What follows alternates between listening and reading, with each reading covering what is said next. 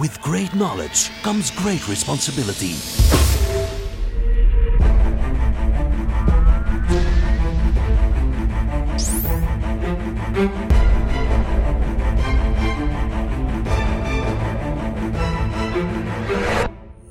Fifty-two topics by Maarten Bové en Kevin Couvreur. Ja, we Ja? mogen starten. Ja. Fantastisch. Hey, hallo allemaal. Welkom terug voor een nieuwe aflevering van... 52 Topics. Alright. Met Maarten en Kevin natuurlijk. Yes, met Kevin Maarten. en Maarten. Maarten en Kevin. Eh, Maakt het werkt in beide richtingen. Dat werkt het bij de We zijn richting. blij dat jullie terug zijn. We hebben vandaag een nieuw topic, Kevin. Ja. Welk, welk topic gingen we nemen vandaag, Maarten? Ik weet het niet meer. Ik weet het ik wel. vermoed dat het Web 3.0 is. Ja, Web 3.0. Alleen Maarten, wat kan jij ervan vertellen? Van Goh, ik kan heel veel vertellen over Web 3.0, Kevin. Eh, maar misschien moeten we eerst eventjes aan de mensen uitleggen... Ja, voor Web 3.0 komt er Web 2.0 en een 1.0. Dus laten we eens beginnen met Ja. de geschiedenisboeken in te duiken. ja. En het Waar is, is het ooit begonnen? ja, het is geen gimmick, hè, uiteindelijk. Eh, De, de 2.0 en de 3.0. Goh, het is een verzamelnaam natuurlijk. Ehm, Misschien ook wel een beetje een marketingterm. Ehm, ik denk ook wel dat er niet een officieel moment is van oh, nu is het Web 3.0, nu Web 2.0. We zitten in een overgangsfase. ehm, maar waar is het allemaal begonnen, Kevin? Wel, voor diegenen die oud genoeg zijn om het begin, een stukje van het internet, eh, nog te herinneren.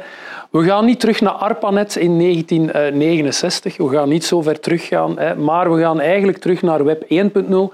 Waarbij dat natuurlijk de eerste websites, het eerste wereldwijde web eh, beschikbaar was. Waar we inderdaad een URL konden intikken.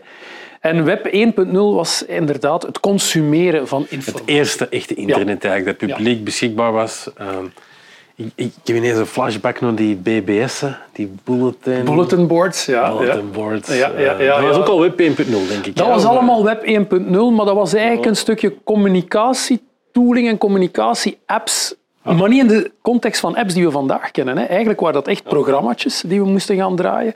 Was ook nog niet echt allemaal web-based. Hè. Eh, dat kwam allemaal later. Maar Web 1.0 was inderdaad... Ja, je herinnert zich nog, ja, zo een beetje de, de, de GIF-sites, de, Ah, de, de eerste animated GIFs. die er de- echt slecht uitzagen eigenlijk. Achteraf gezien toch. Ja. Ehm, misschien toen ook al wel, maar Ja, maar en bestond alleen uit hyperlinks en tekst. Dat was eigenlijk Web 1.0. We zijn dan... ik vind dat wij eigenlijk al heel nostalgisch zijn gestart. eh. Ja. maar soms Zeker om te eindigen bij Web 3.0. Ja, maar we gaan het gaat het duidelijk zijn. hè? Ja, ja, het, het verschil kan niet groot genoeg zijn. Eh, rond eh, ja, x aantal jaar terug, hè, eh, laat ons zeggen rond eh, 2010, eh, zoiets, 2000, 2010, eh, was eigenlijk de opgang van Web 2.0, waar dat we eigenlijk vandaag middenin zitten en eigenlijk al neigen naar de volgende itineratie van web, eh, webversies. Ja, Web 2.0 interactiviteit was eigenlijk een stuk de eerste stap eh, die we gaan hebben. Hè. Eh, meer formulieren dat we kunnen invullen. We, we kunnen meer eh, ja, de, de opkomst van de Googles, eh, van de Facebooks, eigenlijk al ook, die ook zaken. wel een stukje de opkomst van een mobiele devices. Ja, ook, ook, hè, waar ook, je ja. eigenlijk ook het internet mee begon te consumeren. GPRS, die we allemaal kennen, UMTS, de supersnelle eh, mobiele datastandaarden, wat je inderdaad het modemgevoel had van weleer, hè, de analoge modem. Misschien Dus- is ook de eerste streaming devices.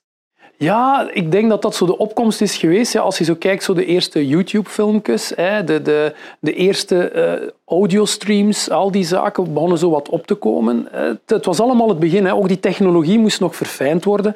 Eh, de protocollen verfijnd worden, al die zaken. Ehm, hardware die ook krachtiger werd. Dus het heeft er allemaal wel een stuk mee te maken. Maar dat was de opkomst eigenlijk van de grote techgiganten die we vandaag kennen. Hè. De Apples, de, de Googles, de, de Netflix. En eigenlijk ook wel waar we vandaag nog een stukje in zitten. Hè? ja, zeker en vast. Ja. We zijn er nog niet uit, hè. laat Nee, dat nee, duidelijk nee. zijn. Mogen we dan zeggen dat eh, Web 3.0 eigenlijk het echte volwassen worden gaat zijn van het web?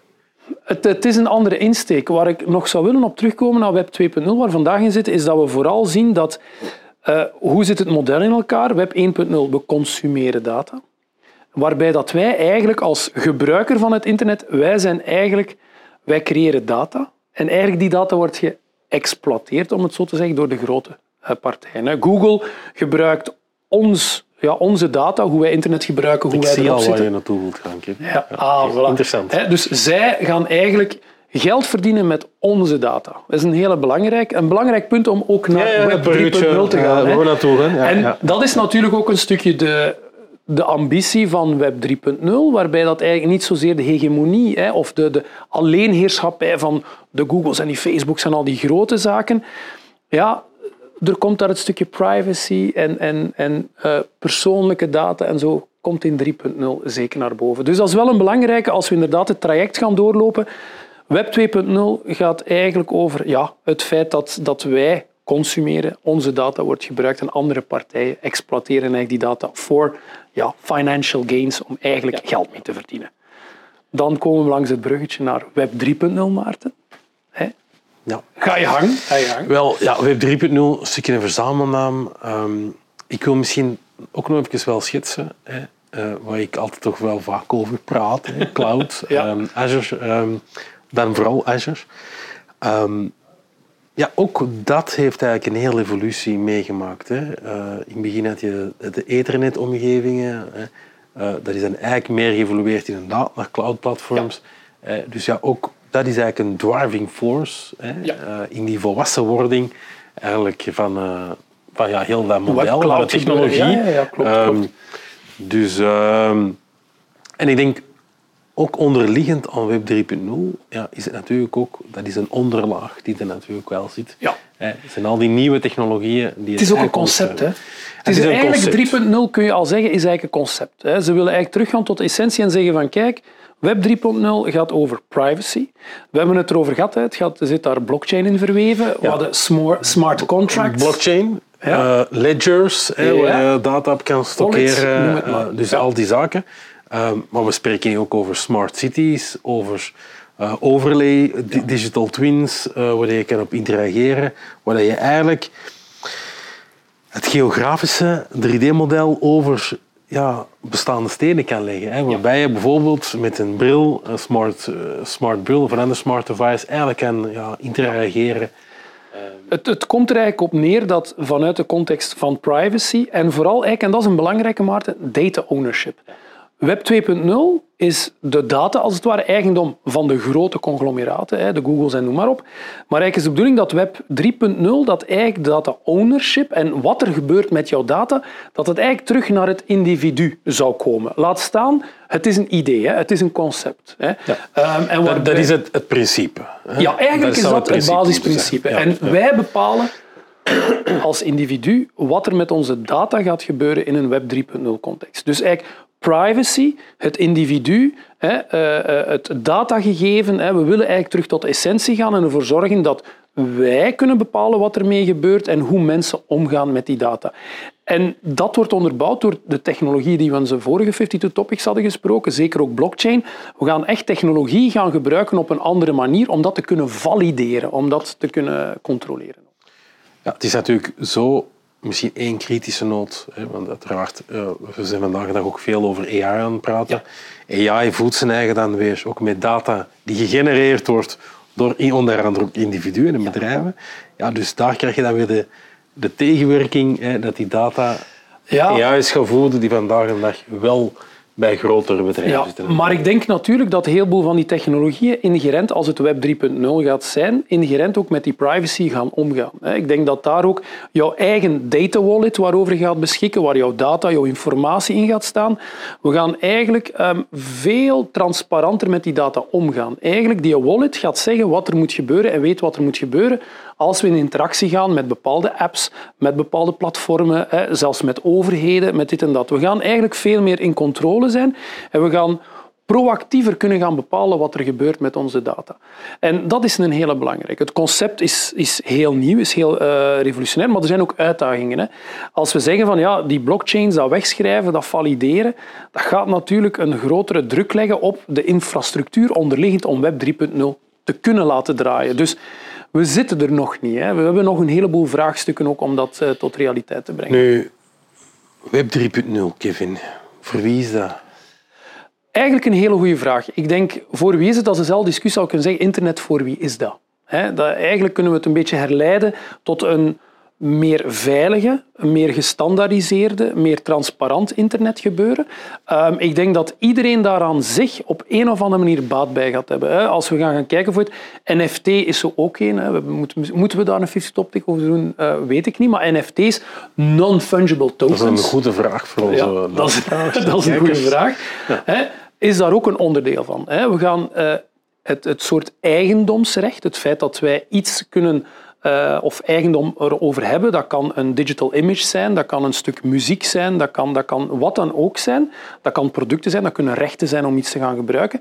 Dat kunnen we eigenlijk ook in dat NFT-landschap gaan steken. Hè. Maar het wordt ook weggeschreven en het is ook valideerbaar in de ketting. Dus er is, ja, we hebben het er vorige keer altijd, trust, hè, trust as a service. Hè, gaan we daar weer in dat Web 3.0 verhaal gaan ook naartoe. Dus ik denk in de breedte, zoals met het internet zoals het nu was, iedereen zoekt opportuniteiten binnen die nieuwe technologie om zijn businessmodel, zijn strategie aan te pakken. Ik denk dat Web 3.0 inderdaad daar weer een laag bovenop gaat brengen, waarbij dat de relatie ook veel directer gaat zijn. Waarbij dat nu voor het bedrijven via grote platformen, gelijk de Amazons, de Bol.coms, gaan gaan werken, gaat die relatie misschien terug meer naar het bedrijf zelf gaan en gaat dat contact met de klanten ook veel directer zijn. Maar dan ook weer in een, ja, laten we zeggen, veiliger model, in een, in een veel transparanter uh, model en dergelijke meer. Dus opportuniteiten zeker. En de grote spelers zijn nu natuurlijk ook aan het kijken. Hè. Wat gaat de impact zijn van uh, 3.0? Uiteraard, zonder ja. twijfel. Ja. Dus veel opportuniteiten. Uh, ik denk dat het ook een heel brede materie is. Ik denk dat we er een aantal elementen eigenlijk eens moeten in Nog kunnen uithalen, ja. ja, ja. Uh, ik voel ook, om eerlijk te zijn, want de metaverse ja, die doorkruist uiteraard ja, ja, de Web 3.0 hier. Ik voel ook een lijstjesaflevering aan. Die moeten misschien zeker nog wel komen. Ik voel het echt ja. aankomen. En onze lijstjesafleveringen zijn heel populair. Um, dus als jullie nog andere lijstjes willen, Eén, een eerste lijstjesaflevering die we misschien moeten gaan doen, dat is uh, toch misschien de alternatieven of eigenlijk de evolutie van Web 2.0 apps naar Web 3.0 apps. Dat kan een hele leuke zijn, omdat daar al heel veel op aan het gebeuren is. Eén voorbeeld kan zijn, we gebruiken vandaag allemaal een Edge browser of een Chrome browser. Uh, wat wordt gezien als een Web 3.0 browser is bijvoorbeeld de Brave browser, die echt wel security en privacy eigenlijk voorop gaat gaan stellen uh, voor een gebruiker. Dus we zien daar, dat gaat op uh, alternatieven voor bijvoorbeeld WhatsApp, uh, voor Telegram, voor Signal, alternatieven voor alles wat als social media platformen is, maar die ook heel gefocust gaan gaan werken. Dus zeker misschien daar nog een lijstjesaflevering. Zo, uh, we hebben ons best gedaan om binnen de 10 minuten te blijven. Dat is niet gelukt. Uh, maar we hebben wel ons best gedaan. We hopen dat we jullie een stukje hebben kunnen inspireren. inspireren. En uh, tot de volgende keer. Tot de volgende. Bye. Dag.